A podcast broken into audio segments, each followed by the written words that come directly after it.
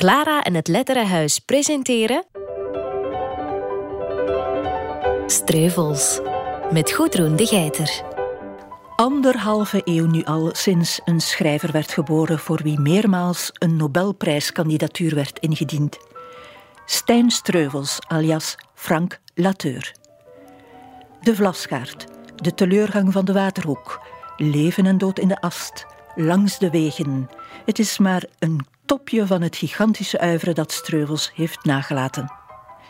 Dat werk verdient het om opnieuw gelezen te worden. We proberen de eeuw van Streuvels te herbeleven, zo dichtbij als de radio ons daarbij brengen kan. Met schrijvers van nu, met kenners en met nazaten. Leentje van de Meulenbroeke, alias dichteres Jo Giesekin. Hij is vooral uh, mijn grootvader geweest. Is de kleindochter van Stijn Streuvels. En haar man Ludo Simons. Tien maanden later getrouwd. Nam ooit het letterenhuis onder zijn hoede waar nu het archief van Streuvels wordt bewaard door Jeroen Cornili. Dat is een zeer omvangrijk archief, ik denk een vijftigtal meter. Naast brieven en foto's, want Streuvels was ook een verwoed fotograaf, hebben wij dan weer iets wat niet in het letterenhuis zit: zijn stem. Geachte luisteraars, mijn levensloop is verdeeld in drie perioden. Ik ben geboren te Hulle, heb mijn jeugd doorgebracht te Abelhem. Ik heb geleefd te in Hooihem. Met Karel Plateau van het Streuvelsgenootschap beginnen we bij het begin.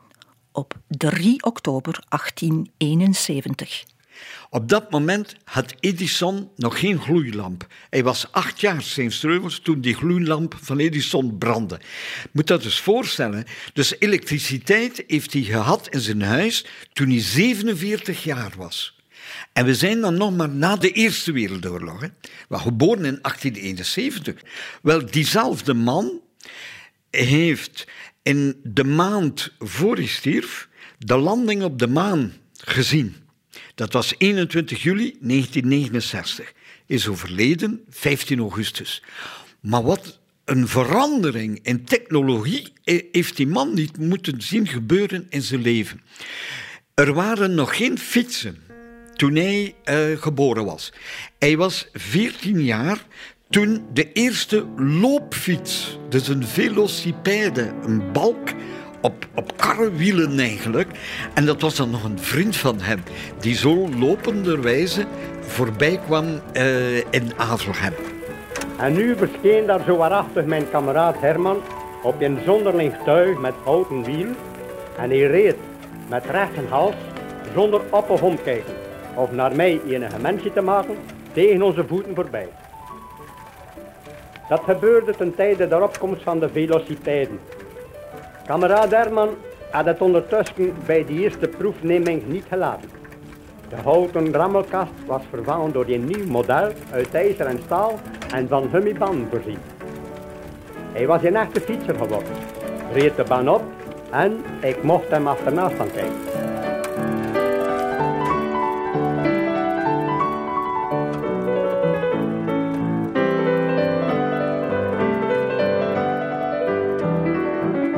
Hij is vooral uh, mijn grootvader geweest. En zo is hij in mijn leven gekomen en heb ik hem leren kennen als grootvader.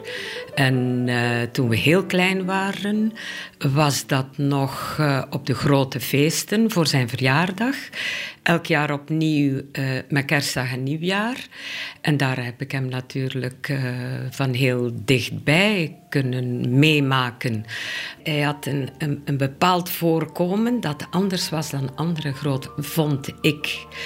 Als wij op bezoek kwamen zondags, en dat gebeurde vrij vaak, dan zat hij op ons te wachten. En dan werden we daar ontvangen. En dan ging het gesprek met onze ouders en bleven wij kijken naar hem. Want hij vertelde altijd zaken die een gewone grootvader niet vertelde. Over de streek en over mensen die hij ontmoet had in de loop van de week. Over zaken die hij gelezen had. En zo heb ik wel ondervonden dat hij iemand anders was. Maar vergeet niet, hij was toen ook al tamelijk oud natuurlijk. Hè.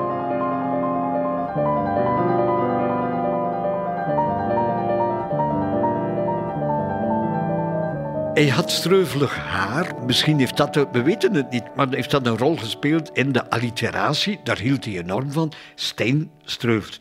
Maar hij heeft zelf geschreven dat zijn jongere broer Karel een mooie, beeldige jonge man was. Terwijl hij had een karakteristieke kop hè, met streuvelig haar. Wat zijn mama tot uitspraken gebracht heeft: dit is onze schone jongen hier en dit is onze lelijkaard.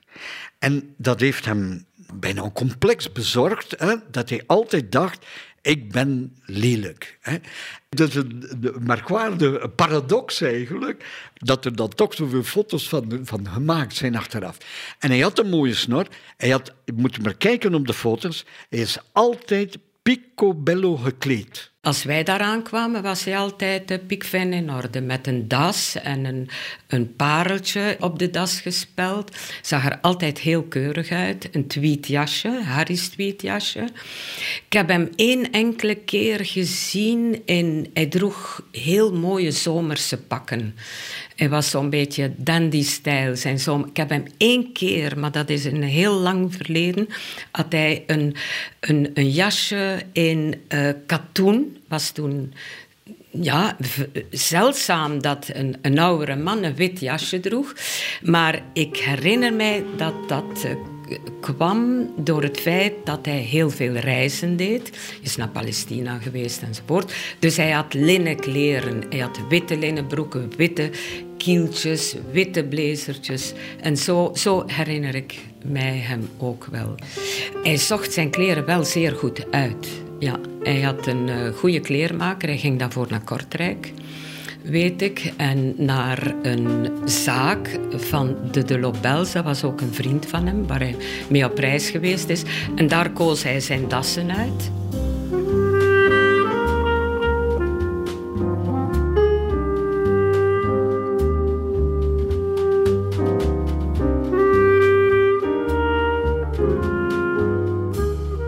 Een prachtig schilderij, staat in het Letterenhuis van Modest Huis die Streuvels in een wiegende vlasakker geschilderd heeft. En het is manshoog, dat schilderij. Als u nagaat tot op de voeten, wat ziet u dan? Hij draagt pantoffels. En het zijn Schotse wol van binnen, dat je je afvraagt, hoe is dat mogelijk? Die, die had ook schoenen? Maar ja, dat behoorde tot de outfit. Hij heeft ook zijn witte stofjas aan. Die is opengetrokken zo, met een hand in de, in de heup. En dat hij kijkt, maar snorrende snor natuurlijk, in de omgeving. En ook zijn broer in Brugge, in het Gezelle Museum. Er bestaat daar een foto van met zijn zus. En die staat er ook zeer mooi gekleed, maar ook met, met die karakteristieke trotse pantoffels.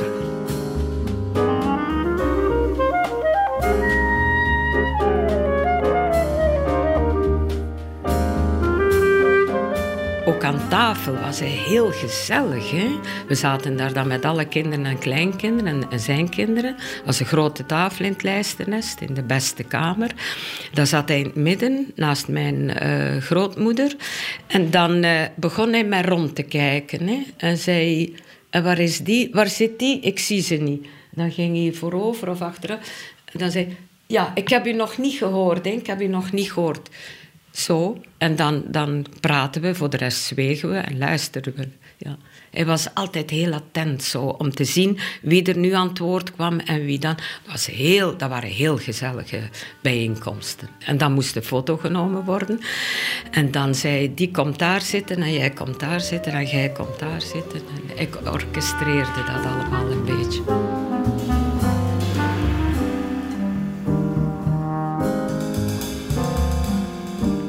Het archief toont ook de, de familiemanstreuvels. We vinden heel wat dingen over zijn, zijn kinderen en zijn kleinkinderen terug. Hij heeft bijvoorbeeld ook alle nieuwjaarsbrieven netjes bijgehouden en de, de kaartjes die zijn kleinkinderen hem schreven. De foto's van zijn kinderen zijn fascinerend. Dat zijn er honderden, letterlijk. Je ziet de kinderen opgroeien. Je ziet de kinderen in en rond dat lijsternest met hun speelgoed. Ze doen een verkleedpartijtje en ze gaan voor de camera staan.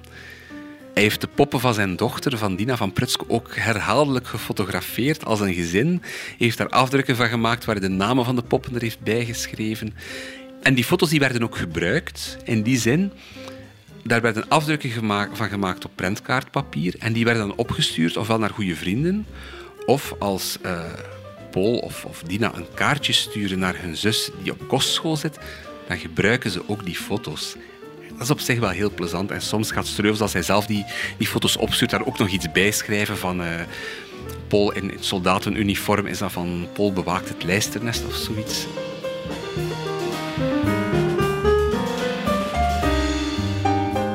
Bijvoorbeeld, um, dat weet ik zeer goed, als hij bij ons kwam eten zondags, uh, lunchen hè, of dineren zoals we toen zegden, met mijn grootmoeder, dan zei mijn moeder altijd, vader, ik ga je hier zetten met zicht op de tuin.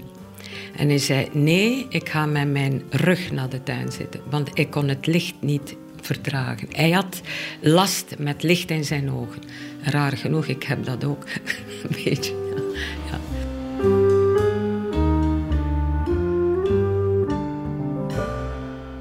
Eén keer in levende lijven. Ik kende hem toen al, ik mag wel zeggen, tamelijk goed uit zijn boeken. Want ik was op school bij de Jezuïeten in Turnhout op het college. En ik maakte een werk over streuvels. De boeken stonden in de kast van mijn vader, die toen al een hele poos gestorven was.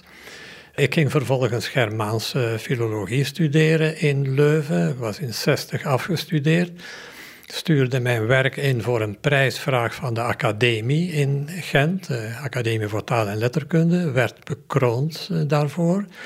En die werd uitgereikt in 1963 door de Gentse Academie in de gebouwen van de universiteit. En wie was daar? Tot mijn stomme verbazing, Stijn Streuvels, hemzelf, 92 jaar. Onvoorstelbaar dat ik die man nog mocht ontmoeten, dus die moest die kans grijpen met de grote rode koker waarin de bullen zat die ik gekregen had voor mijn prijs. Schuifel ik op de receptie tot ik in het vizier kom van Streuvels en ik spreek hem aan. En ik zeg, meneer Streuvels, met zijn vinnige ogen, keek hij mij aan en uh, herkende mij eigenlijk aan die koker die ik vast had. Nu, uh, ik wist dat hij mijn vader ooit ontmoet had. Mijn vader was een grote bewonderaar van Streuvels. Mijn vader die zelf schrijver was, die uh, ja, nu nog uh, nauwelijks bekend is. Behalve als met kerstmis Susanina gezongen wordt, dat is een lied van zijn hand. Ehm, ik zeg meneer Streuvels, ik denk dat u mijn vader gekend hebt. Bekijk mij met ogen van een twintigjarige. Ja, zegt hij, ik heb uw vader gekend. En uw moeder heb ik ook gekend. Leeft ze nog? Ja, ik, ik, ik was perplex dat die 92-jarige zich herinnerde dat hij ooit ook mijn moeder had gezien. Die had hij misschien één keer in zijn leven ontmoet, had onmiddellijk daar belangstelling. Ik was heel gelukkig dat ik hem kon vertellen dat mijn moeder inderdaad nog leefde. Doe haar mijn groeten, zei En toen zweeg ik, want wat had ik nog kunnen zeggen. En daartoe beperkte zich mijn enige ontmoeting met uh, Streuvels. Maar het was natuurlijk des te mooier toen ik uh, zes jaar later zijn kleindochter daar op de markt in mijn eigenste geboortestad Turnhout mocht ontmoeten, praatje met haar sloeg en tien maanden later dus met haar trouwde.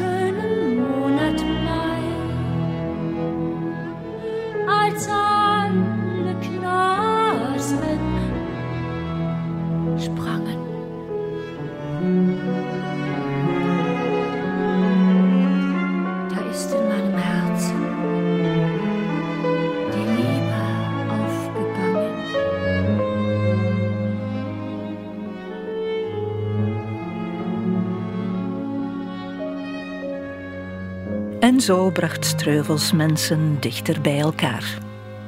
Wie was Frank Lateur en hoe werd hij schrijver? Dat ligt niet voor de hand omdat hij eerst bakker werd. Acteur Bruno van den Broeke is in de huid van Streuvels gekropen. Ik verstond niets van hetgeen onderwezen werd. En hoe zit dat dan met vertaler en dichter Patrick Lateur? Ik ben dus een van de niet zoveel lateurs, afkomstig uit het land tussen Leien en Schelde, Zuidwest-Vlaanderen. Heulen, Avelhem, in Gooichem. Dat zijn de drie hoofdstukken uit Streuvels levensbeschrijving. Karel Plateau situeert dat leven nog wat vroeger, over de grens zelfs.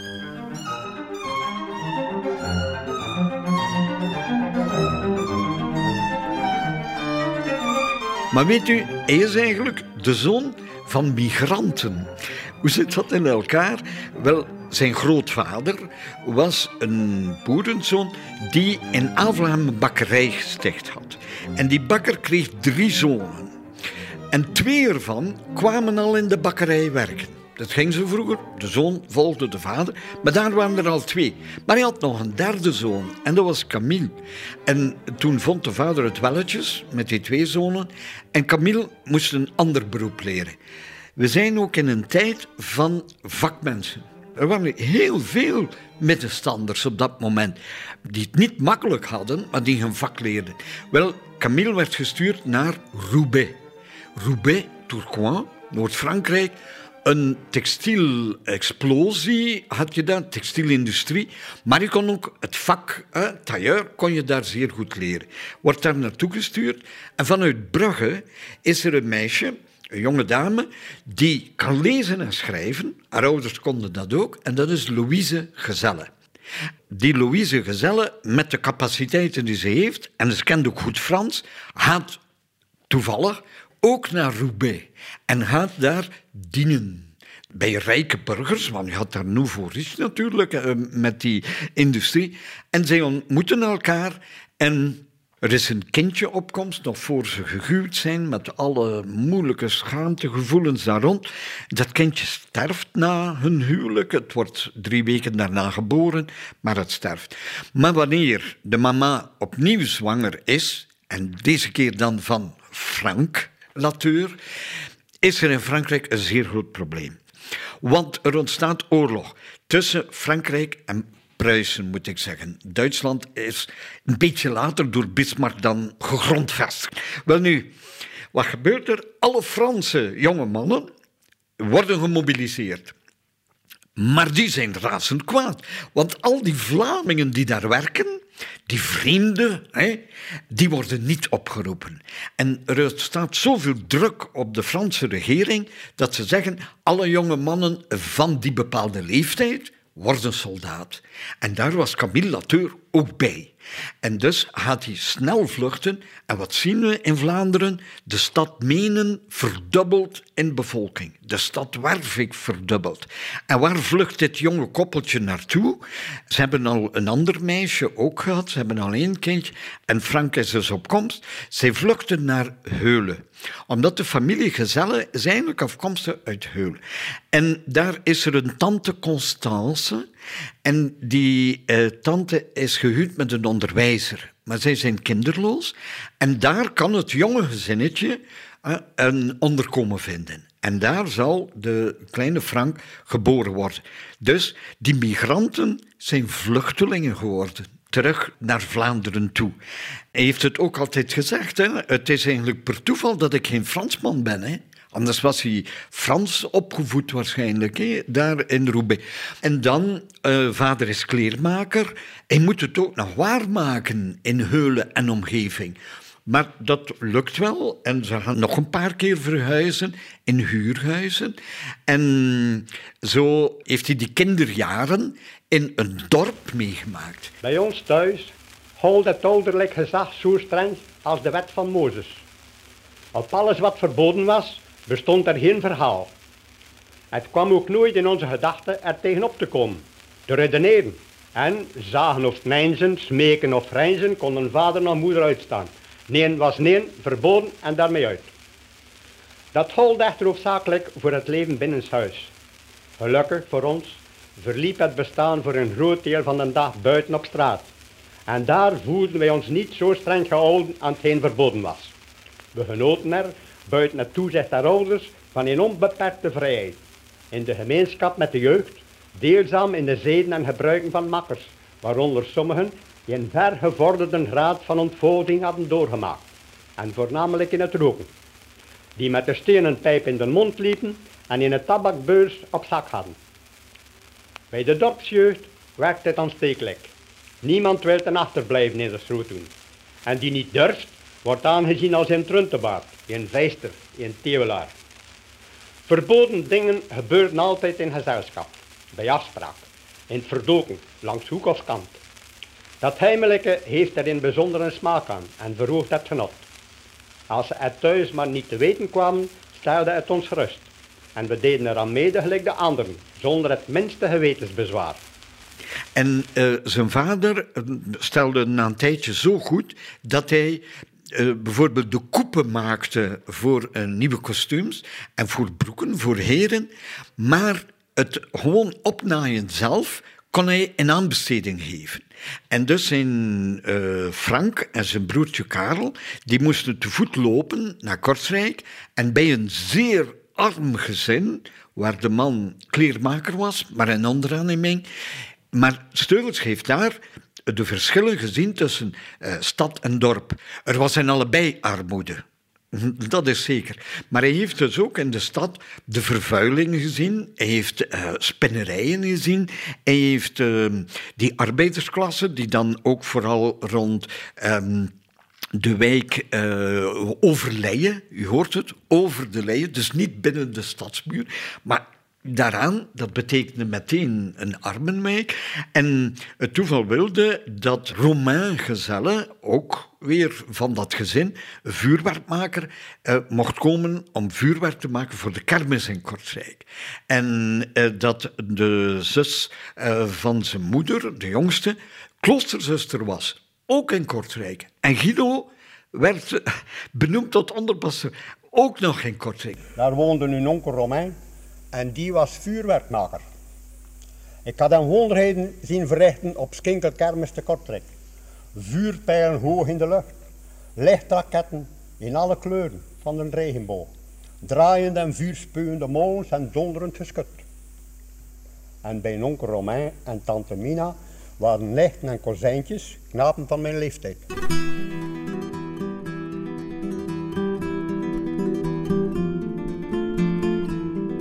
Ik ben Patrick Latour.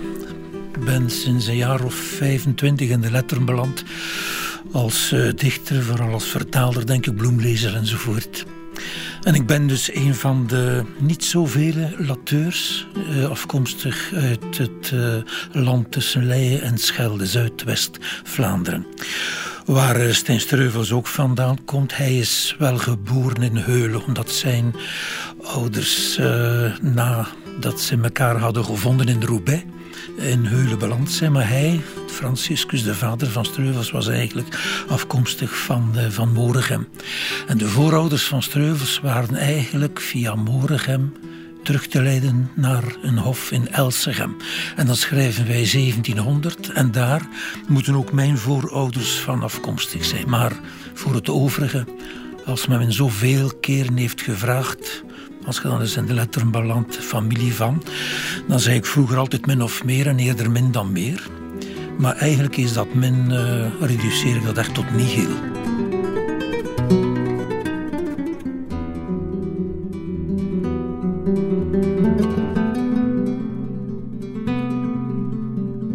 Kleuter heeft hij gevolgd bij zusters en dan lager onderwijs met een strenge, strenge meester. Maar hij heeft dat goed gedaan als leerling. Hij heeft prijsboeken gewonnen. Die boeken waren allemaal in het Frans. En ik kende er nog geen. Maar hij was toch trots. Maar er was onkel Guido. En onkel Guido, die vond dat dat ventje moest verder studeren. Terwijl mama en papa eerder gedacht hadden dat hij ook een beroep, uh, vak moest leren.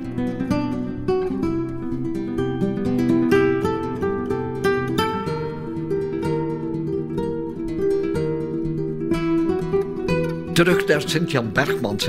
Het was eigenlijk l'Institut du Bienheureux Jean Bergmans. Dus ook alles in het Frans. Dus die jongen is daar naartoe gestuurd op aandringen van onkel Guido. En hij had ook een goede oplossing gevonden. Want je hebt gelijk, wie naar het college ging, ja, was al van rijke huizen en was voorbestemd om, om verder te studeren en, en, een goede positie te hebben. En de zoon van de kleermaker daar, dat lag niet voor de hand. Maar de onkels, of de oom Bakker in Avelgem, die lieten toe dat hij daar op kamers was. Dus er moest geen internaat betaald worden. Dat was alvast grote opluchting voor de mama.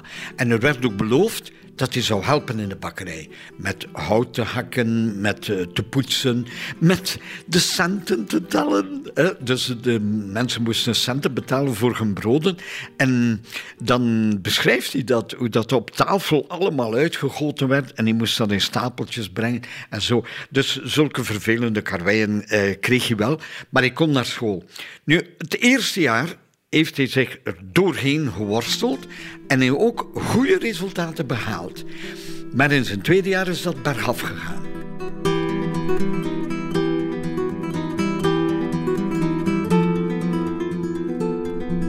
Meester de Smet hield in zijn klas te strenger tucht als dat er in de laagste te weinig was. Hij had een zwarte baard en dat gaf hem het uitzicht van een dwingeland. Hij boezemde mij geweldige vrees in. En niet zonder reden, na hetgeen ik er de eerste dagen te zien kreeg. De minste buitensporigheid in de klas werd onmiddellijk gestraft. Van op zijn lessenaar gooide meester de Smet zijn sleutelbos naar de jongen zijn hoofd. Een ander moest naast hem op de knieën komen zitten en kreeg een paar dikke woordenboeken, die hij met uitgestrekte armen boven zijn hoofd moest opgestoken houden. Een vrede foltering naar het mij scheen, want telkens de jongen de armen zakken liet, kreeg hij de regel op de kneukels. Ik zag dit aan met schrik in het hart, hield de adem op, dorst niet te roeren om maar onopgemerkt te blijven en geen straf te ondergaan. Hetgeen mij in die klas het meest verontrustte, was van ondervraagd te worden, omdat de angst mij zou belet hebben een woord uit te brengen. De andere leerlingen roefelden er maar door, waren aan de gang van zaken gewend, doch ik, ik voelde mij in een vreemde wereld. Alles geschiedde er in het Frans. Liep merendeel over dingen waar ik nooit van gehoord had. Ik verstond niets van hetgeen onderwezen werd en zag geen middel om van iemand uitleg te verkrijgen.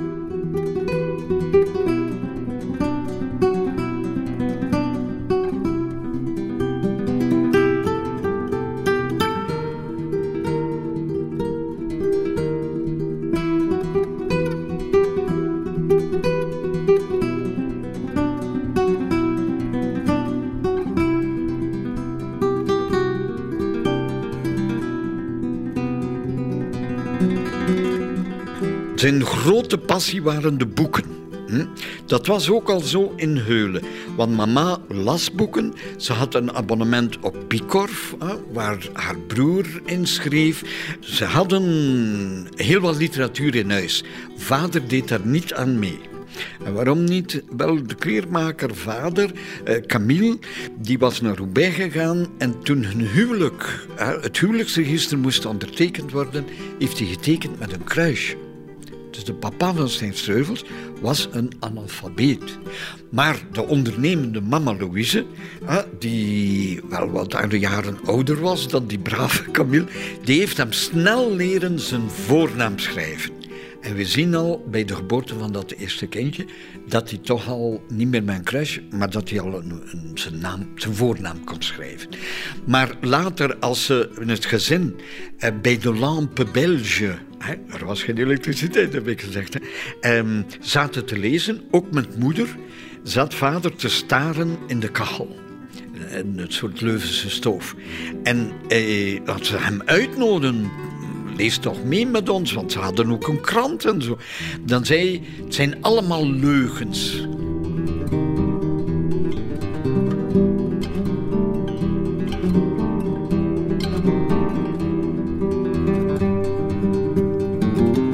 Hij gaat naar school, tweede jaar. Hij wordt bibliothecaris van de bibliotheek van het internaat. Hij was zelf geen intern, maar de surveillant had gezien dat een jongetje dat graag leest, die mag bibliothecaris worden. En hij mocht ook op de kamer van die priester gaan en die had ook een bibliotheek. En hij las allerlei boeken waarvan hij eigenlijk niet begreep waarover het ging, dat de titels maar vreemd waren. Maar daar heeft hij echt de passie van literatuur ontdekt. En hij mocht ook advies geven aan internen welk boek ze best zouden kiezen. Maar hij had er heel veel gelezen ook.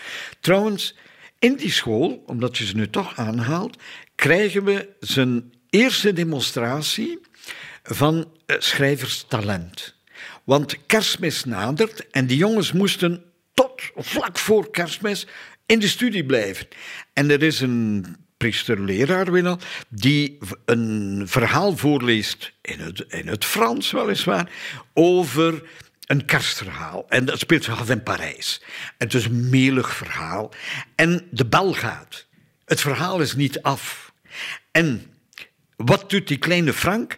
Hij steekt de vinger in de lucht en hij vraagt, eerwaarde, maar je zal het wel in het Frans gevraagd hebben natuurlijk, mogen wij het verhaal beëindigen? En de priester vindt dat een zeer goed idee en hij geeft die opdracht. En dan is achteraf gebleken dat tussen die jongens die veel ouder waren dan hij, dat hij met zijn opstel beloond werd als het beste. En hij heeft dat in de livre d'or van het, uh, van het college mogen inschrijven. Dus daar heeft, u ziet, boeken, schrijverschap, het bekleine sprankel. Maar studies, dat ging bergaf.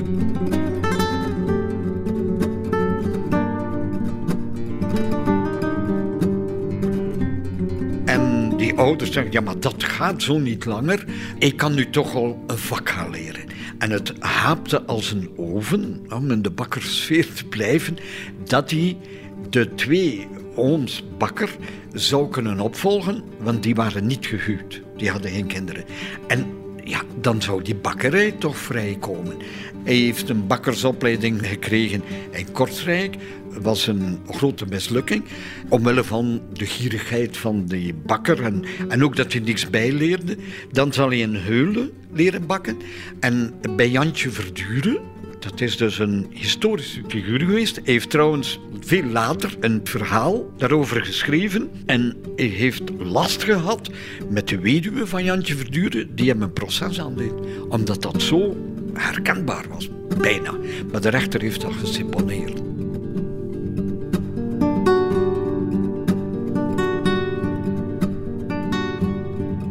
Hoe zal dat dan gaan?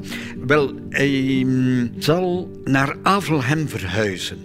Ah, want zijn papa, de kleermaker, wordt ziek. Is een ziekelijke mens geweest. En mama besluit, we gaan wonen in Avelhem, in de bakkerij. Want de twee ooms, die stoppen ermee. Hm? En Stijn heeft ondertussen ook nog opleiding gekregen in Brugge. Niet onbelangrijk, want in Brugge was hij op kamers recht tegenover de stad Schouwburg. De pastijbakkerswinkel was gelegen op de comedieplaats. En het venster waar de gasten gelogeerd waren op de derde verdieping gaf uitzicht op de Schouwburg. Dat leek mij een tempel vol mysterie. Heel de zomer bleef die schouwburg gesloten en dood. Maar zodra het winterseizoen aanbrak, werden er hele plakbrieven uitgehangen met in grote letters de naam van het stuk. Die namen waren mij over het algemeen bekend. Arias uit Carmen, Voost, Mignon of Lakmee hadden we gespeeld in de fanfare te. Maar de opera zelf, dat school voor mij in Fantasmagorie ferie en verleidelijke wonderen. S'avonds zag ik er de menigte binnentreden en de verzoeking doorkriebelde mij.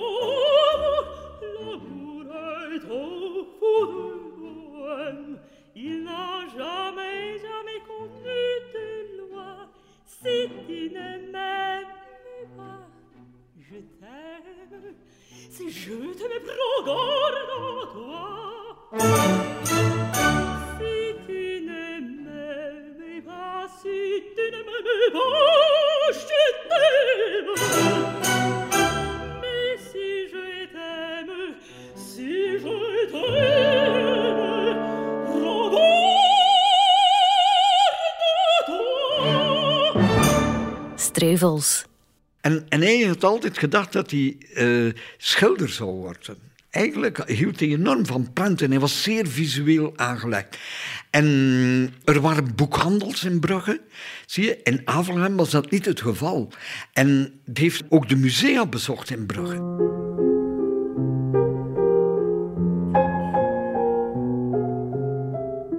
In Brugge werkte hij voor de mm, familie van Mullem.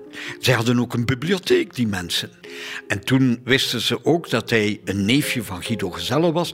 Dus die van Mullems waren zeer Vlaams gezind in de zin van de emancipatie van het Vlaams tegenover het Frans. Dat zat in die familie zeer sterk. Maar terug naar Avelgem. Hij zal daar beginnen te schrijven. Binnen de twee jaar zal hij een tijdmachine hebben. Dus nog voor 1900 is Treuvels al aan het tapen.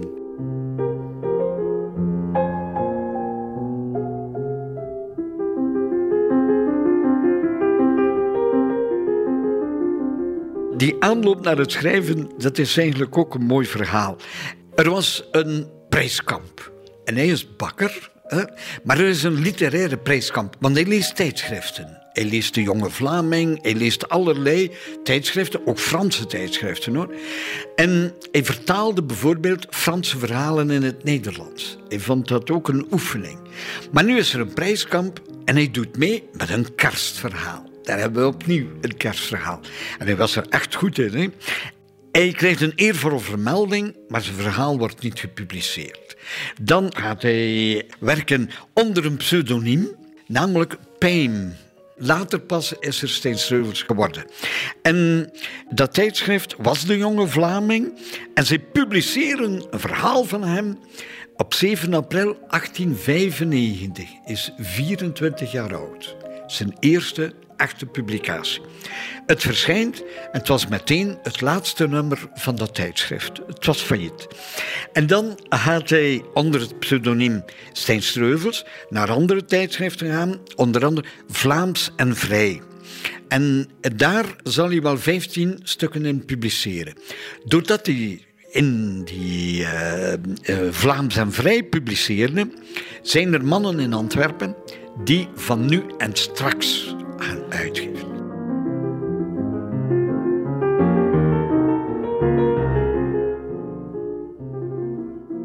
Vooral omdat hij dan Emmanuel de Bom ontmoet en die wordt een coach. En dat is ook belangrijk voor een jonge schrijver. Die zal hem zeggen wat hij allemaal moet lezen. Ook. En voor hem ja, verruimt zijn bakkerswereldje daar in Avelgem natuurlijk. En hij kan boeken bestellen. Dat heeft hij altijd gedaan. Maar uh, zijn mama was daar niet altijd mee gediend. Uh, je had nog al uw verstand in die boeken steken. Maar goed, en bijvoorbeeld ook, uh, zijn papa ziet hem op een zondagnamiddag als het rustig is in de bakkerij, ziet zijn vader hem aan tafel zitten te schrijven. En ik kan zich niet voorstellen dat, dat men dat als bezighouding zou kunnen zien. Maar dan ontstaat er zijn medewerking met uh, Van Nu en Straks. Hij was in de wolken daarover. Want Emmanuel de Bom had hem geschreven... Uh, kom bij ons, man. Kom bij Van Nu en Straks. Jij bent een bloem op de mestvaalt tegen een jongen schrijven. Wat een mooi beeld. Hè? Dus uh, zij hadden zijn talent gezien. Hè?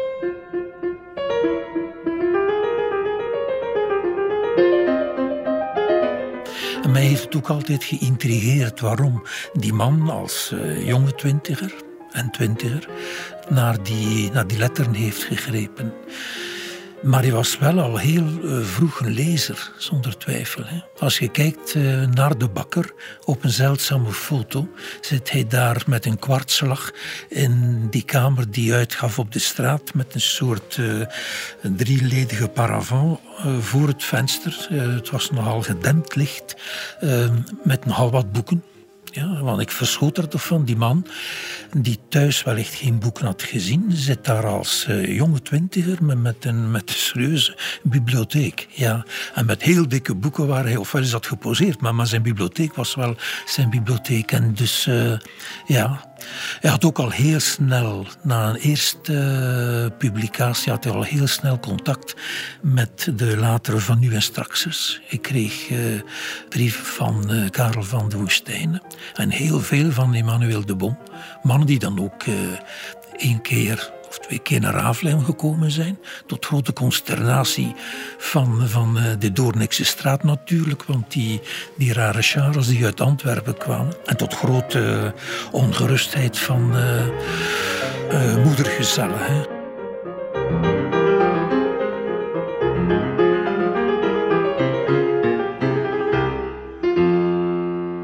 Onkel was een dichter, was superkatholiek en, en ultramontaan zelfs en dergelijke. Hij wist door Emmanuel de Boom dat zijn neef daar van de bakkerij, dat hij schreef. En dan nog in van nu en straks. En dat komt door een bezoek. Emmanuel de Bom kende gezellen natuurlijk ook. En hij wou Streuvels ook gaan bezoeken, maar meteen doorreizen naar Kortrijk, waar gezellen benoemd was. En daar verklapt u dat. Hij gaat zeggen, ik kom van bij uw neef en hij schrijft bij ons en van nu en straks.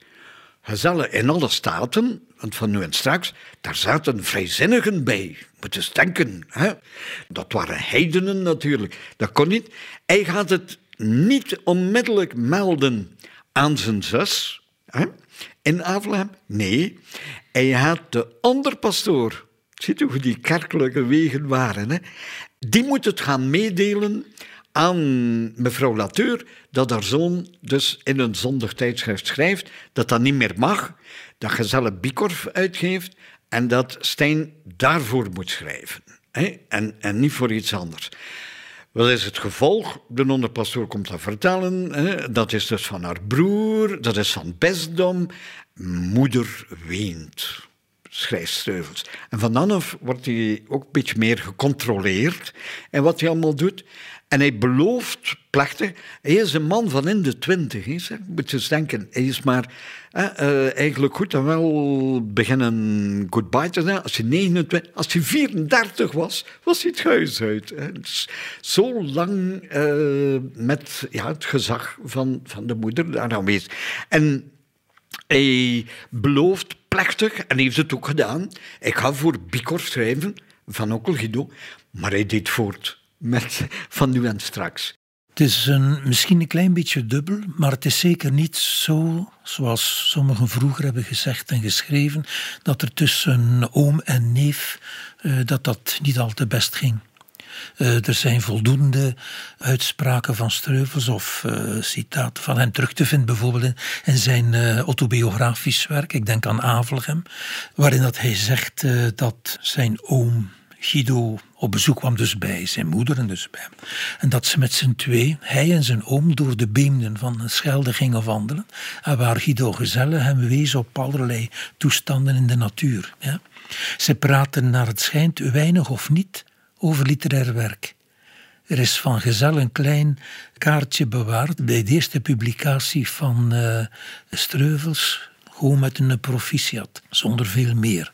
Trouwens, het debuut, eh, de bundel eh, met een aantal novellen, met een aantal verhalen van Streuvels is 1899, ook het sterfjaar van, van Gezellen. Ja.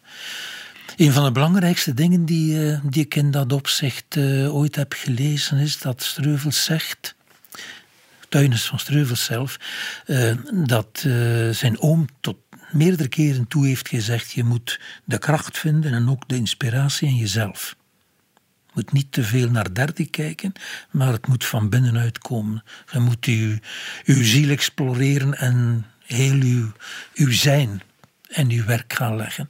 En hij herhaalt dat verschillende keren in, zijn autobiografische werken Streuvels. En dat is wel belangrijk. Dus dat heeft hij zeker van zijn oom uh, meegedragen. Tuurlijk, hij was minder content op het moment uh, dat zijn moeder hem terecht wees op zijn contacten met uh, die avant-gardisten en die raretisten van Antwerpen, zijn de uh, mannen de bom. Hè. En, maar hij heeft zich daar niet van aangetrokken. Maar dus daar, dat, moet toch wel even toch een beetje moeilijk geweest zijn tussen oom en neef. En we spreken dan dus de jaren 1896 of zo, 97. Finaal heeft Streuvels eh, de laatste versen van Gezellen, de laatste, de laatste bundel, postuum ook uh, uitgegeven. Hij heeft zich ontfermd over. Hij heeft ook de verhuis van Kortrijk naar het Engels klooster in Brugge georganiseerd en aan meegeholpen. Dus eigenlijk familiaal gezien was er daar, uh, zat dat behoorlijk goed. En literair gezien lieten zij de dichter liet de prozaïst en de prozaïst liet de dichter op zijn domein. Ja, als u bijvoorbeeld Cyril Buizen neemt, ja, die was van een zeer gesettelde familie. Hè? Die had een Minerva. Dus dat is heel wat anders dan die bakken. En die is met die Minerva op bezoek geweest bij Stijn Streuvels. Samen met Materlink. Maar toen had Streuvels al een kamertje. Want die nonkelsbakker, eh, één daarvan had ingewoond dus mama moest ook eten klaarmaken voor een onkeltje. Maar die was overleden en hij had dat kamertje gekregen. En daar kon hij Materlink en uh, Buizen ontvangen. En hij was geschandaliseerd omdat Materlink in zijn beste Vlaams zei van de buste van Gezelle, wie is dat? En dan, ja, hij wist niet dat hij zelf 2000 gedichten geschreven had, een uh, staatsbegrafenis, eredokter en, enzovoort. Het was rond diezelfde tijd, een zaterdagnamiddag, als een luxueuze auto voor mijn venster stilhield en twee heren uitstapten. Het waren Cyril Buizen en Maurice Materlink. Ik heb hen ontvangen in mijn klein kamertje, waar ze nieuwsgierig alles bekeken. Van hetgeen er gesproken werd, heb ik enkel onthouden dat Materling doelend op de buste van Gezelle van Buizen de uitleg kreeg, c'était un poète, il aimait beaucoup la nature.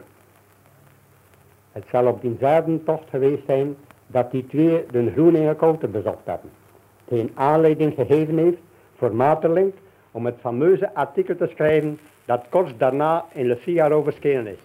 Waarin onze Vlaamse taal het vleiende dipitheon kreeg van een vaseux jargon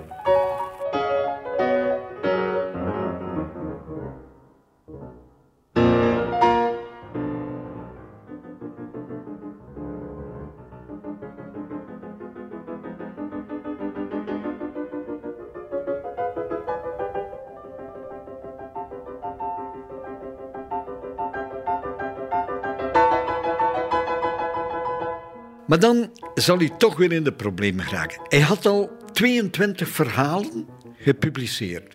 Dus hij had een mooie voorraad. En Manuel de Bon had hem voortdurend gecoacht daarin. Hij zegt, dat vind ik fantastisch, dat uh, vind ik maar zo en zo. En wat gaan we nu krijgen? En dergelijke meer. En hij besluit, ik ga een boek uitgeven. Ik heb 22 verhalen, ik ga een selectie doen. En misschien als een bakker, ik ga er een dozijn van uitgeven. Hè? En ik ga een uitgever zoeken. En hij had al in zijn achterhoofd, ik zou uh, dat beroep van bakker vaarwel willen zijn. Ik zou mijn brood willen verdienen met schrijverij. Dus hij zoekt een uitgever, hij is bevriend met Karel van Loevestein en zo komt hij in contact met de jonge man Julius de Prater. Julius is een genie qua uh, artistieke behaafdheden en die heeft in eh, Gent, in Patershol, hij heeft op een veiling een drukpers gekocht. En hij heeft zoveel goede ideeën over prachtige uitgaves van boeken. Zij stonden onder invloed van William Morris. En dat is de Arts and Craft Movement. Dus een boek moet een kunstwerk zijn als je dat uitgeeft. Dat moet anders beantwoord. Goed, hij geeft zijn verhalen daar af voor het boek Lenteleven. Het zal een perkamenten kaft krijgen. En ieder blad wordt dus geperst. En eh, Karel van Oostijnen beschrijft dat ze te drogen hangen, hè, de vellen. Maar Julius is ook met andere dingen bezig. Uiteindelijk gaat dat zeer traag. Dat blijft maar duren. En de kostprijs, die loopt op. En als hij komt aan 88 exemplaren, is werkelijk alle budget erdoor gejaagd. En moet dat verkocht worden en dat zal 10 frank per exemplaar zijn. Nu moet je weten dat een knecht van vader Gezelle, die hovenier was, die verdiende 1 frank per dag. Dus voor die mensen was dat veel te veel geld. Daarbij, waarover gaat dat? Want je zou kunnen zeggen, ik kon rijke mensen vinden die het kopen. Wel nu, dat wilden zij niet. Want het waren rauw realistische verhalen. Over werkvolk, over uh, armoezaaiers, over dronken mannen, alcoholisme, moord. Dat vonden zij in het Vlaams dan nog geschreven. Dat, dus dat was onverkoopbaar. Maar ondertussen had hij contact gehad met Victor de Lille uit Maldegem, een uitgever van een weekblad, die dus gazettenpapier gebruikte. En die zag het zitten om een soort van duimpjesuitgaven, boekjes die helemaal niet zoveel zouden kosten, gaan brengen. En ja, hij, is niet gelukkig, want dat zal nu op goedkoop papier gedrukt worden en uh, wordt daar uitgegeven.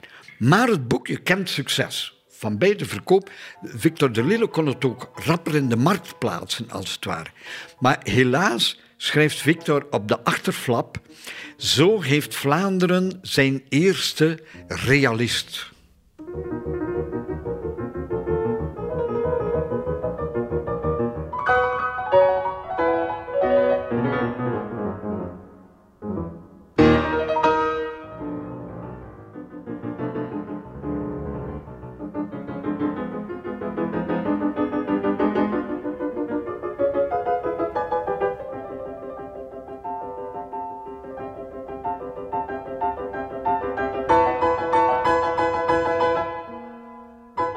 In zijn eerste bundel, die op gazettenpapier gedrukt wordt, staan er drie stadsverhalen. Hè? is niet louter de man van het agrarisch. Oh, natuurlijk, in hoofdzaak. Maar hij heeft in totaal vier zeer sterke stadsverhalen geschreven. Bijvoorbeeld over een werkloze man. Slenteren is de titel. Verschenen in Lenteleven. Wel, dat is een universeel type. De man krijgt geen naam daarin maar is bereid om te werken, zoekt werk, maar wordt gescheurd, wordt gestigmatiseerd. Of dat het nu een werkloze is in Brussel, in Parijs of in Kortrijk of uh, in Rio de Janeiro of in Athene. Het is de werkloze. En dat is de kracht van Streuvels. Hij schrijft universeel. En dat heeft Emmanuel de Bom onmiddellijk gezien. En het is ook Emmanuel de Bom die hem aanraadt, na dat eerste min of meer mislukte experiment met zijn eerste boek, ga naar Nederland. Zoek in Nederland een uitgever. En hij raadt hem sterk Veen aan. En wonder boven wonder, Veen apprecieert dat geweldig, die Vlaamse schrijver, met zijn bewoordingen, met zijn taal. En gaat met veel succes uitgever worden van Streuvels in Nederland en had zijn boeken ook te koop brengen in Vlaanderen. En Julius de Prater daar met zijn 88 exemplaren was zeer kwaad, maar Veen is zo loyaal geweest om de resterende exemplaren allemaal op te kopen. En weet u, in 1904, dat was maar vijf jaar nadat Julius die prachtige boeken gemaakt had, staan die in een tentoonstelling op Europees niveau van Plantijn, dus voor de beste drukkunst. Je ziet, als u vijf jaar te vroeg bent, hoe, hoe het u kan... Maar Julius is dan verder uh, een groot uh, figuur gebleven natuurlijk. Maar Veen zal zorgen dat Sleuvels ook in Nederland enorm verkoopt. Hij zal erelid worden van de maatschappij eh, voor taal en letterkunde in, in uh, Leiden. En um, die Nederlanders, uh, Quirido bijvoorbeeld, is een uitgever en die zegt, maar dat universalisme van Streuvels, dus ook die Nederlanders, neem nu Willem Vermanderen. Spreekt hij algemeen Nederlands? Nee. Is hij bekend in Nederland? Ja. Begrijpen ze hem? Niet altijd. Hoeft dat? Dan zijn we natuurlijk op het domein taal. Er is een Nederlander die die prijs krijgt van diezelfde maatschappij voor de beste gebruik van de Nederlandse taal. En Streuvels kreeg die prijs ook als Zuid-Nederlander. En de Noord-Nederlander zegt: eh, Wel, ik dacht dat ik mijn taal kende tot ik Streuvels gelezen heb.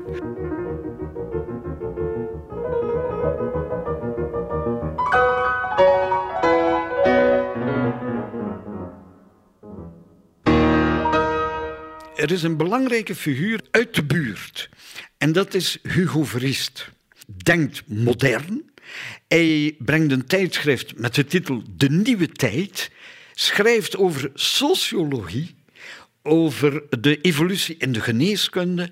Het dansisme haalt hij niet aan, maar wel rerum novarum. En Streuvels met zijn eerste boek is door de katholieke recensoren neergesabeld. Hij zou beter opletten dat zijn brood niet aanbrandt. Zijn realisme wordt niet aanvaard. Zo zijn de mensen niet. En Hugo Verriest laat hem in een artistieke kring van dynamische mensen voorlezen uit nieuw werk. De Oogst bijvoorbeeld is eerst verschenen in Van Nu en Straks en heeft in Kortrijk voor een publiek mogen voorlezen. En zo komt De Oogst, en daarvan heeft Hugo Claus gezegd, met dat werk was hij een even knie van andere Europese schrijvers.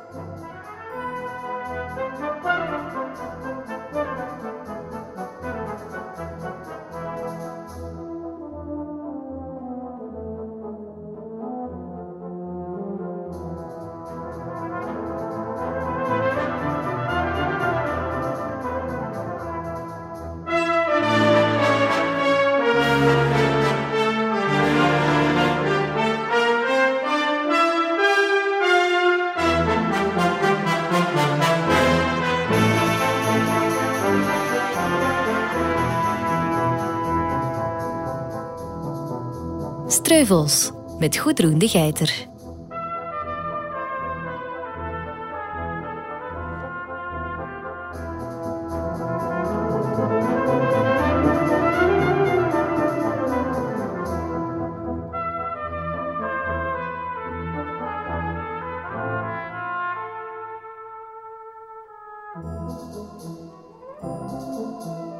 Streuvels maakt indruk op de Kortrijkse kunstkring die hij via pastoor Hugo Verriest leert kennen. Daarna wilde hij een kerel verbeelden met heel zijn omgeving en de lucht die er overhangt, die als een lange wandeling geleidelijk de weg volgt, hem voorgetrokken en uitgetekend als een levenslijn. Meent je? Het zijn schrikkelijke dingen, zo'n verandering in de gewoonte van gelijke levensdagen. Dat wordt rond de eeuwwisseling zijn eerste roman Langs de Wegen. Nog iets over een karaktertrek van Streuvels. Men vond hem een beetje nors. Het was moeilijk om tot hem door te dringen. Als schrijver hield hij zich op afstand.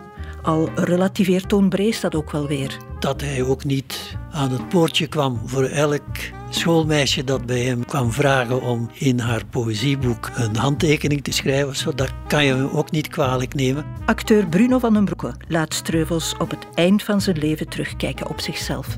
Ik heb een gruwelijke hekel aan mijn eigen stem.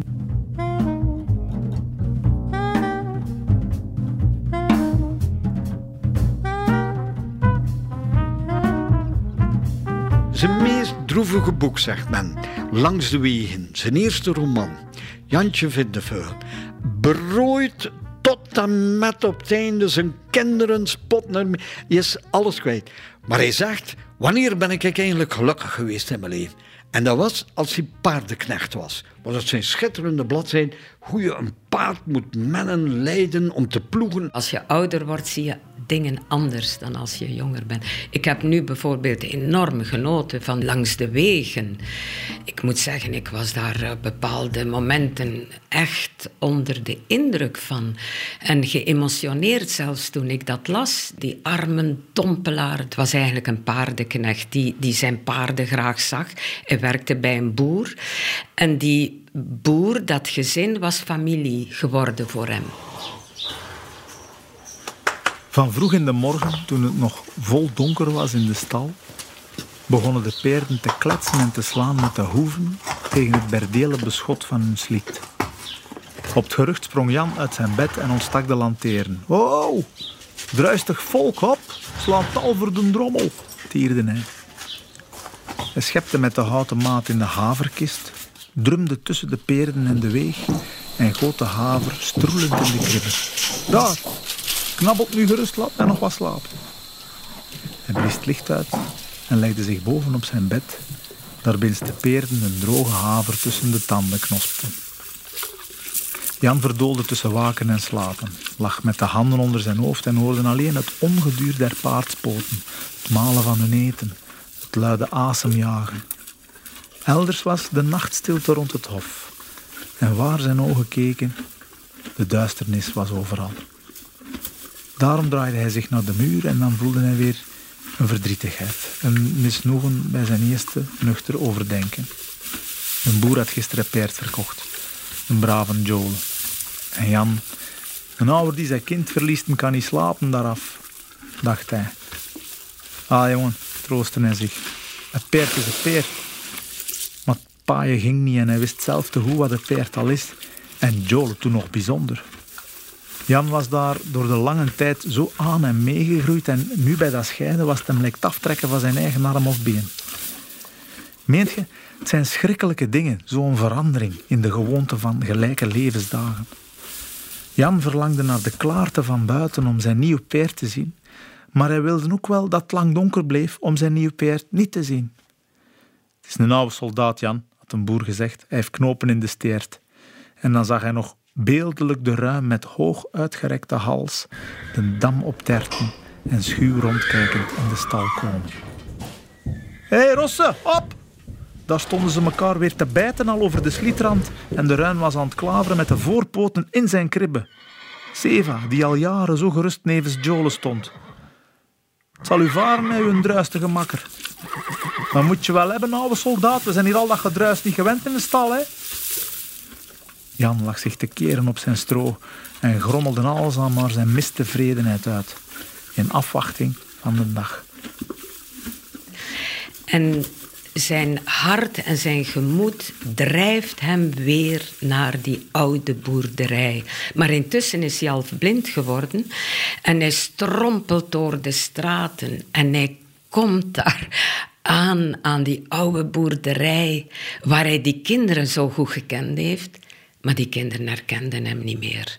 En dat is zo droevig.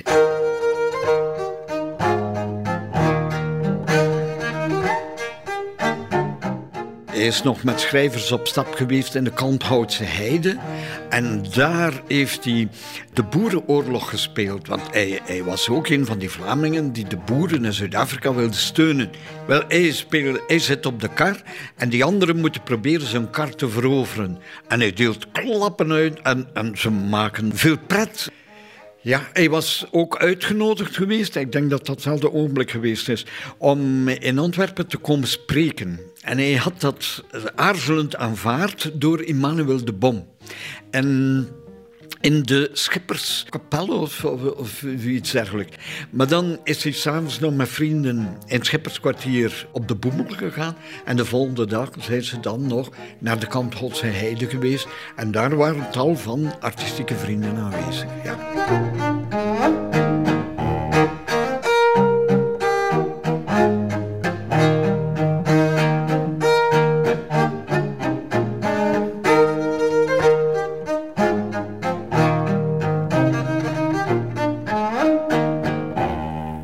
Kort daarop werd ik door Emmanuel de Bom uitgenodigd in een lezing te komen geven in Antwerpen.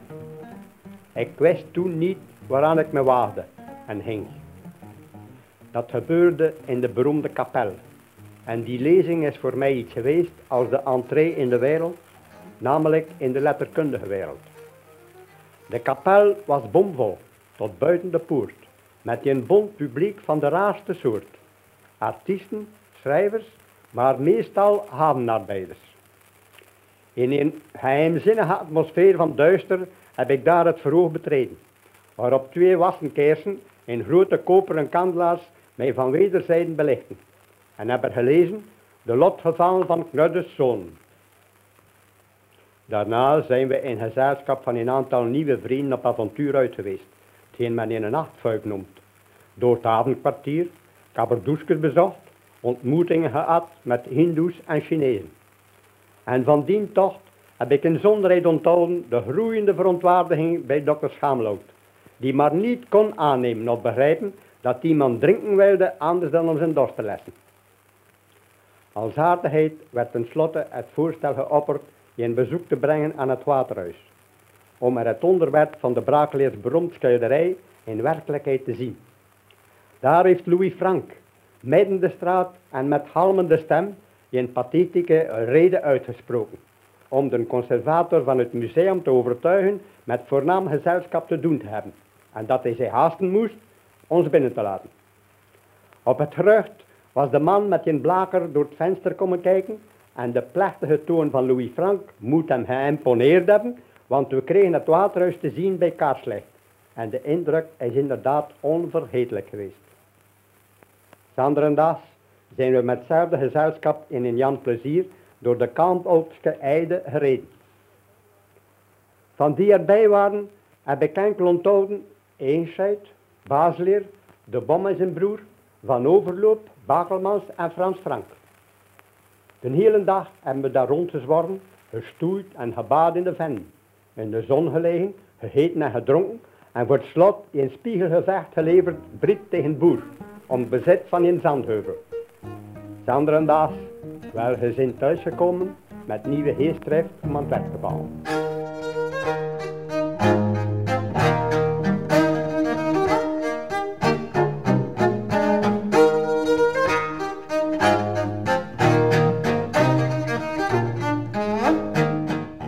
Streuvels is eigenlijk um, een icoon geweest voor uh, de regio.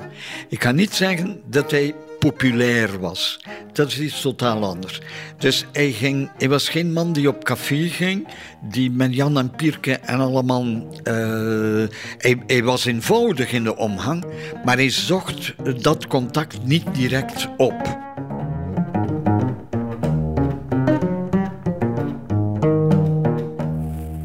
Geachte luisteraars, toen de volksvertegenwoordiger van Antwerpen, Hoestel Beke, een gewezen bakker van Kortrijk, het in zijn hoofd gekregen had mijn kandidatuur te stellen voor de Nobelprijs, ging het spel op de wagen. Reporters en journalisten kwamen afgestormd, streken neer in het Hotel du Progrès aan het station en vroegen naar Stijn Streuvers. Onbekend. Iemand die boeken schreef. Nooit van gehoord. Zo een was er niet op de gemeente. En eindelijk, na lang rondvragen, kwamen ze bij mij terecht. Dan heeft het in hele tijd losgegaan in de pers, artikels voor en tegen, met dwaasheden en commentaar zonder eind. Gelukkig heb ik zelf van die Nobelprijs nooit een woord geloofd of ernstig opgenomen. En vooral geen wissers getrokken op financiële droombeelden. Ik wist dat het niet gebeuren kon. Dat er een honderdtal schrijvers waren aan wie het meer en beter toekwam dan aan mij, nuchtere beginneling. De beroering is dan ook geluwd en op de gemeente is er van geen speur overgebleven. De inwoners hebben nooit begrepen wat die Nobelprijs eigenlijk betekende. En de dochters uit het Hotel du Progrès, met wie de journalisten over de zaak gepraat hadden, wisten te vertellen dat ik een prijs van schoon schrift bekomen had.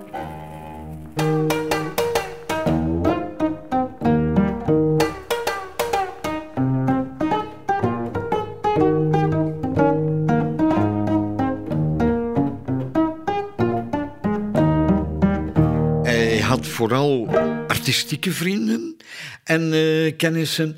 Maar ik kwam een beetje bars en soms onhandig of uh, afwezig over op uh, de landmensen die er waren.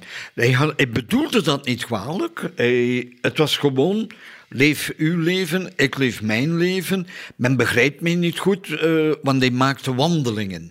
En voor, voor die mensen daar een wandeling maken zonder doel, zonder uh, praktisch eh, of efficiënt nut, dat vonden zij toch al uh, wezenloos op zich.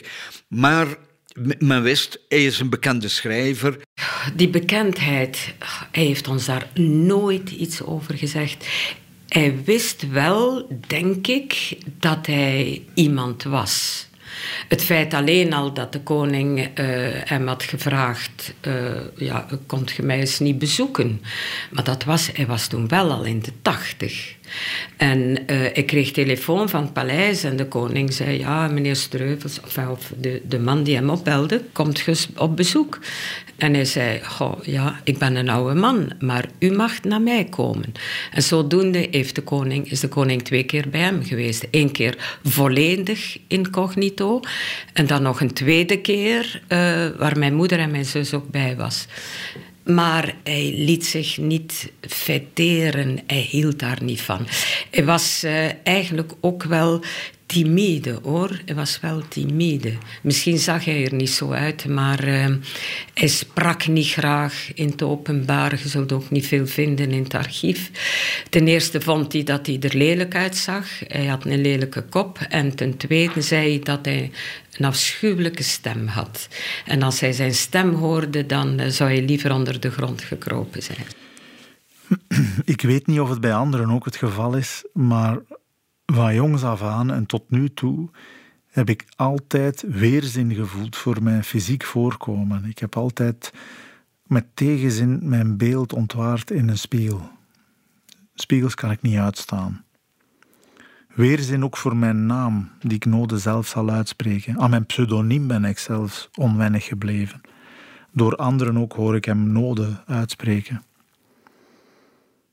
Ik heb een gruwelijke hekel aan mijn eigen stem ook. En de eerste keer dat ik die stem op een plaat gereproduceerd heb gehoord, man, ik geschrokken. Als voor de stem van een, een doodvreemde die een schorre en onaangename klank had. Het merendeel van mijn portretten, die anderen goed vinden, komen mij hatelijk voor. In mijn familie is het ook nooit gewoonte geweest, heeft men altijd vermeden bij het aanspreken elkanders voornaam te noemen. Als het tegenover derde ging, was het altijd Soten of François. Maar het deed onaangenaam aan. Tot beter begrip en om die toestand en verhouding te verklaren en aannemelijk te maken, diende men bekend te zijn met die zonderlinge familietrek en geaardheid eigen aan de gezellen in het algemeen. Die soort bedektheid, geslotenheid, schuchterheid, om het inwendige, het intieme tegenover de naastbestaande gedoken te houden begrijpen wie het kan, maar diezelfde geaardheid blijft tot nu toe onder de familieleden bestaan. De nukkigheid, dat had hij wel over hem. Uh, het ja, meer afgesloten zijn in zijn eigen wereldleven. Dat, uh, dat, dat staat bekend dat hij zo overkwam. Niet direct de man die op tafel ging springen en het publiek zou toespreken, zeker niet. Dat, dat haatte hij, hij vermeed dat uh, zoveel mogelijk. Ik denk dat die schuwheid een beetje overdreven is. Hij, heeft, hij is ook niet verlegen geweest om dat te laten merken, dat hij soms een beetje schuw was. Maar reeds als jonge man was hij niet verlegen. Want in Avelgem uh, was hij zeer actief in de toneelkring, die hij regisseerde, waar hij de stukken voor koos. Dan mag je niet te verlegen zijn om uh, met zo'n groep te werken. En dat was eveneens nog in Avelgem, denk ik, ik kan me vergissen, maar waar hem gevraagd werd om een historische stoet samen te stellen. En dan had hij met een 150-tal mensen te doen, die hij moest organiseren in groepen enzovoort. Daarvoor moest hij heel dicht en onder de mensen staan. En zeker niet uh, schuw of verlegen zijn om zich te laten opmerken. Er was misschien wel iets nors aan Streuvels voor sommige mensen, met wie hij geen of weinig contact wilde hebben, daar zorgde hij wel voor dat er ook geen contact kwam. Dat kan men hem niet kwalijk nemen. Dat hij ook niet aan het poortje kwam voor elk schoolmeisje dat bij hem uh, kwam vragen om in haar poëzieboek uh, een handtekening te schrijven. Zo, dat kan je hem ook niet kwalijk nemen. Al heeft hij het wel in een alles bijeen in een groot aantal poëzieboeken gedaan, geloof ik.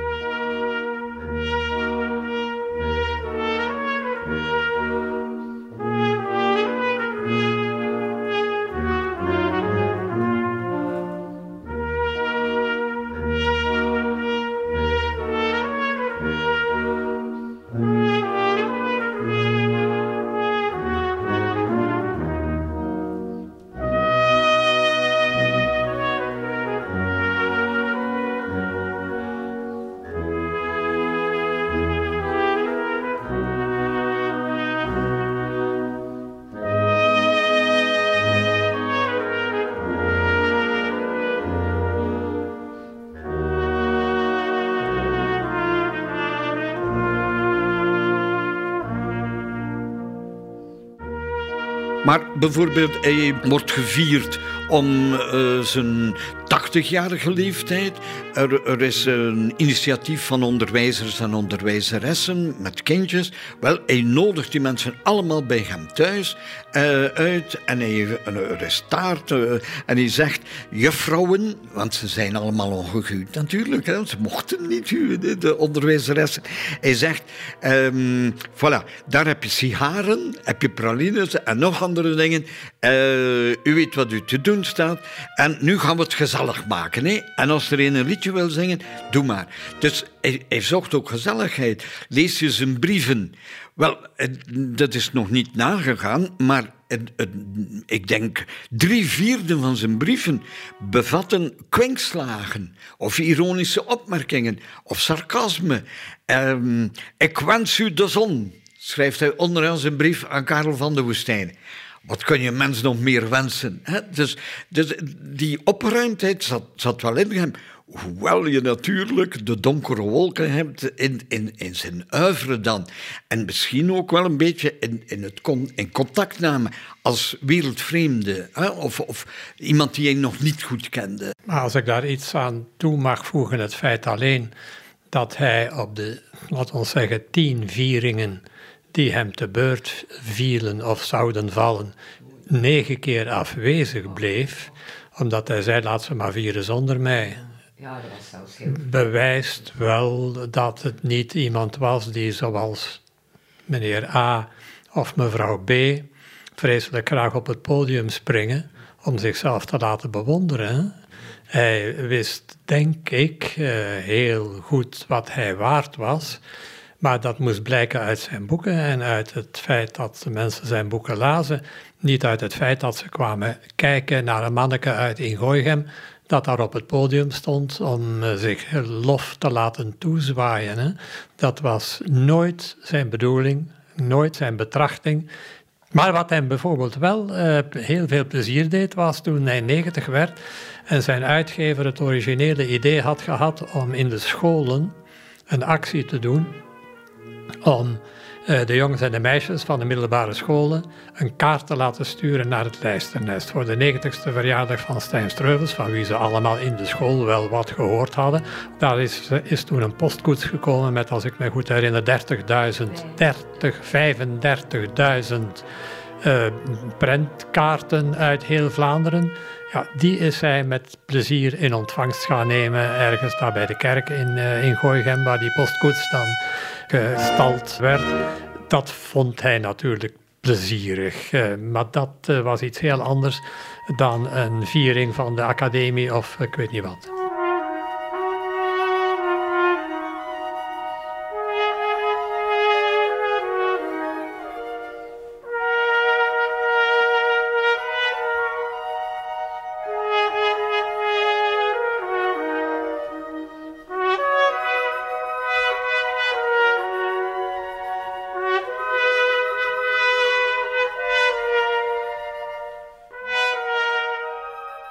Het is zo gegaan dat we dus als hij verjaarde een brief schreven aan de grote schrijver.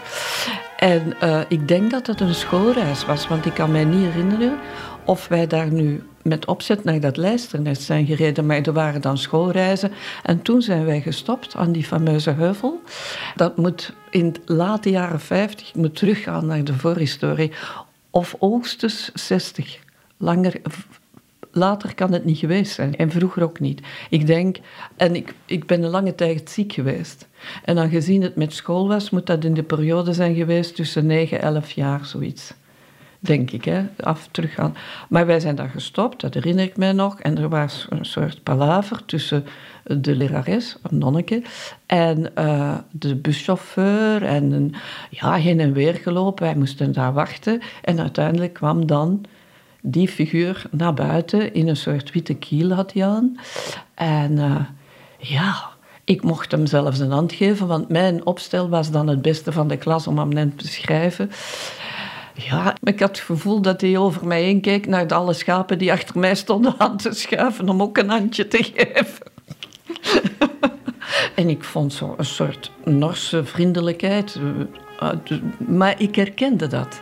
Want in mijn familie had je dat type van man dat je ook in Noord-Frankrijk ziet. Slank, scherp gesneden kop, uh, grote snor.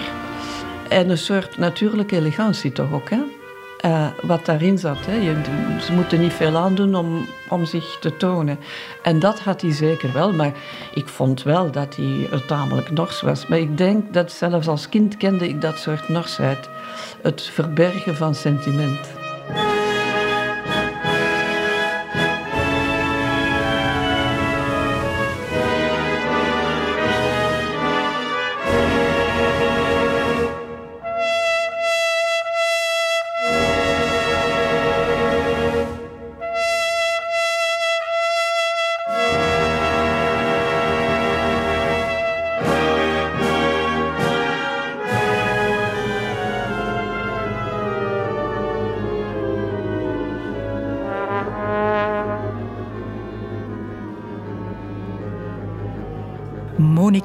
Pamel over haar jeugdige ontmoeting met Streuvels.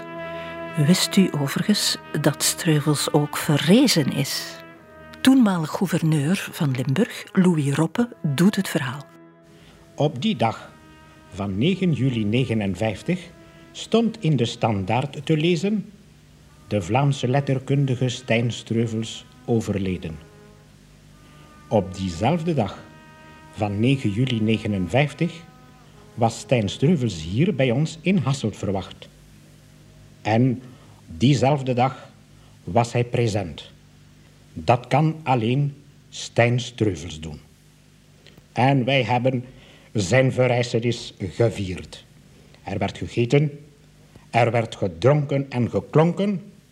En voor hij thuis ging, schreef die prins van de Nederlandse letterkundige zeer oorlijk in ons gastenboek herinnering aan die heugelijke dag van mijn verreizenis. 9 juli 1989. Zulks kan alleen aan een onsterfelijke te beurt vallen. Is het niet?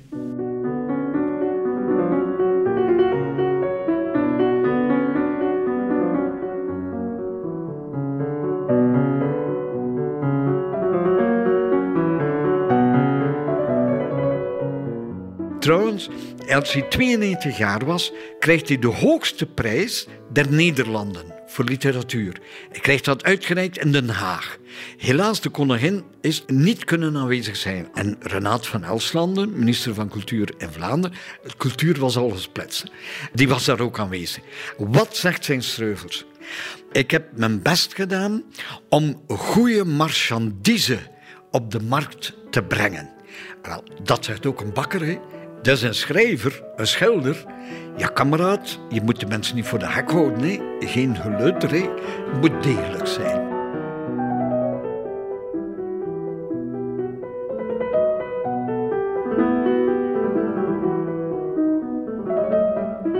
En ik herinner mij ook zijn toespraak toen hij de grote prijs der Nederlandse letteren kreeg. Dat ging in de sens van, ik heb altijd goede marchandise geleverd. Hè, dus dat is blijven hangen.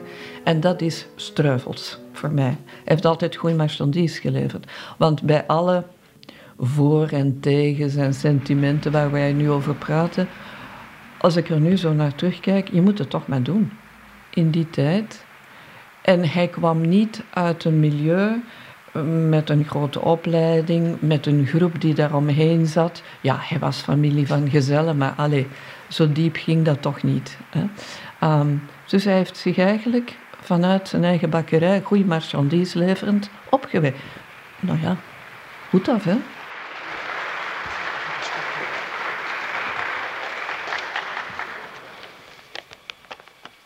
Excellenties, dames en heren. De prijs is voor mij een grote verrassing geweest. Ik had er niet eens aan gedacht. Nu zal ik de eer en de glorie maar op de koop toenemen. Ik heb nooit gezocht om wondreden te verrichten. Gedaan hetgeen ik kon en getracht met degelijke marchandise op de markt te komen. Persoonlijk heb ik nu niets meer te verlangen of te verwachten. En ik zeg met Simeon uit een tempel, hier laat uw dienaar gaan in vrede. Amen.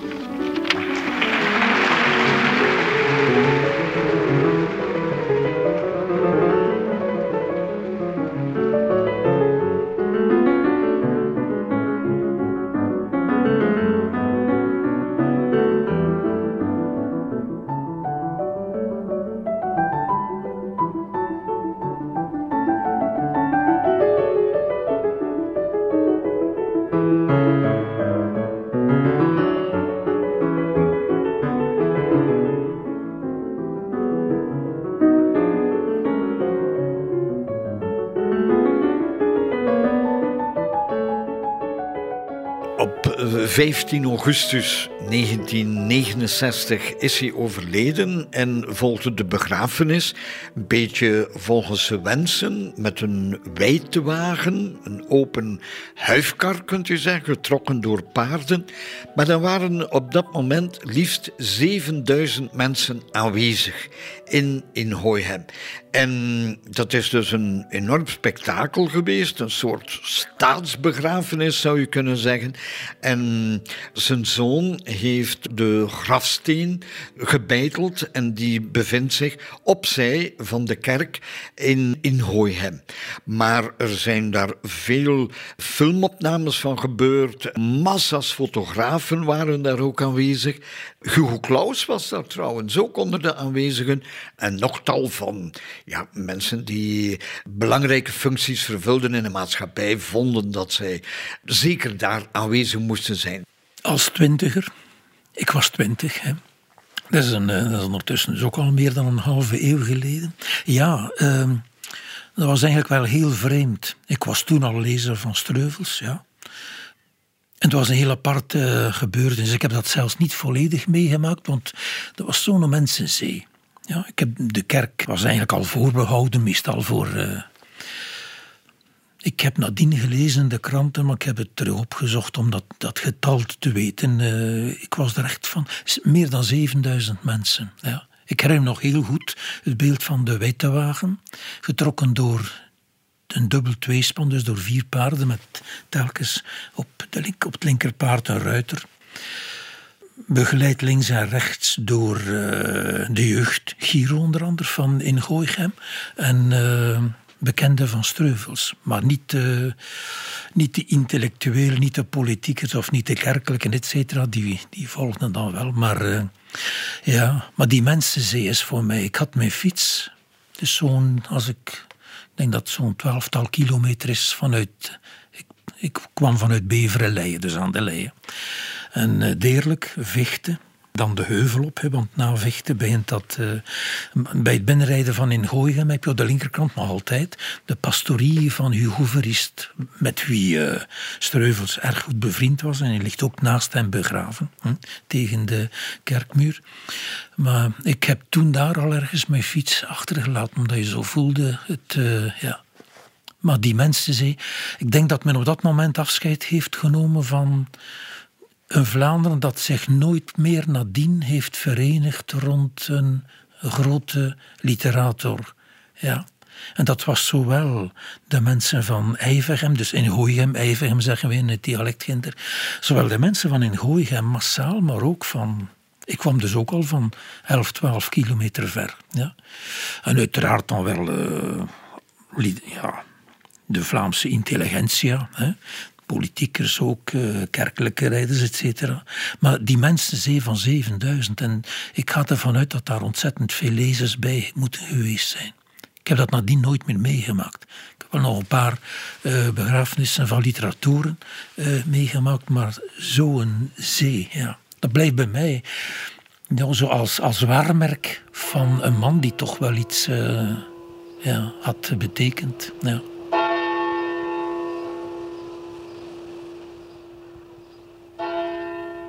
In Ingooigem hingen vanochtend alle vlaggen half stok. En de dorpsklok luidde voor het laatst voor Stijnstreuvels. In het anders zo ontoegankelijke lijsternest stroomde vandaag de menigte voor een laatste groet aan de gesloten kist. Streuvels werd begraven op de wijtewagen op stro. Een authentieke wijtewagen, het is een witte huifkar, werd nog gevonden te Oostvleteren. En voor de kerk wachtte het strooien kruis.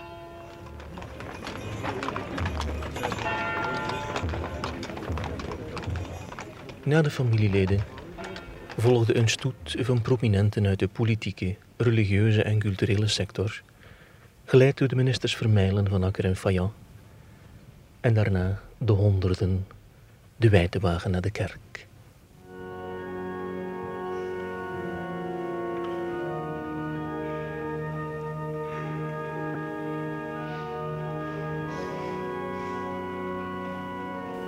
Op dit bitprintje stond een gedicht van Guido Gezelle en een korte afscheidstekst van Streuvel zelf in facsimile handschrift. Ik heb lang en gelukkig geleefd, heb mij met weinig tevreden gesteld, niets gevraagd en veel gekregen, en van al het goede dingen voldaan, zachtjes ter goog gegaan. Stijn Streuvels werd begraven tegen de muur van de Sint-Antoniuskerk van Ingooigem, naast Hugo Verest. Zonder dat erbij gesproken werd, naar zijn eigen mens. Alleen de plaatselijke fanfare speelde hem vaarwel.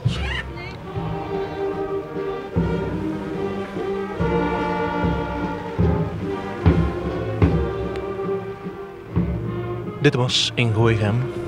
Over naar de studio in Brussel. We moeten het nog hebben over Streuvels als fotograaf, zijn kunstvrienden, het mooie Tichem, zijn schrijvershuis, zijn interesse voor landelijkheid, Streuvels tijdens de oorlog, dat is voor volgende week. Reageren kan via streuvels.clara.be of via de Clara-app.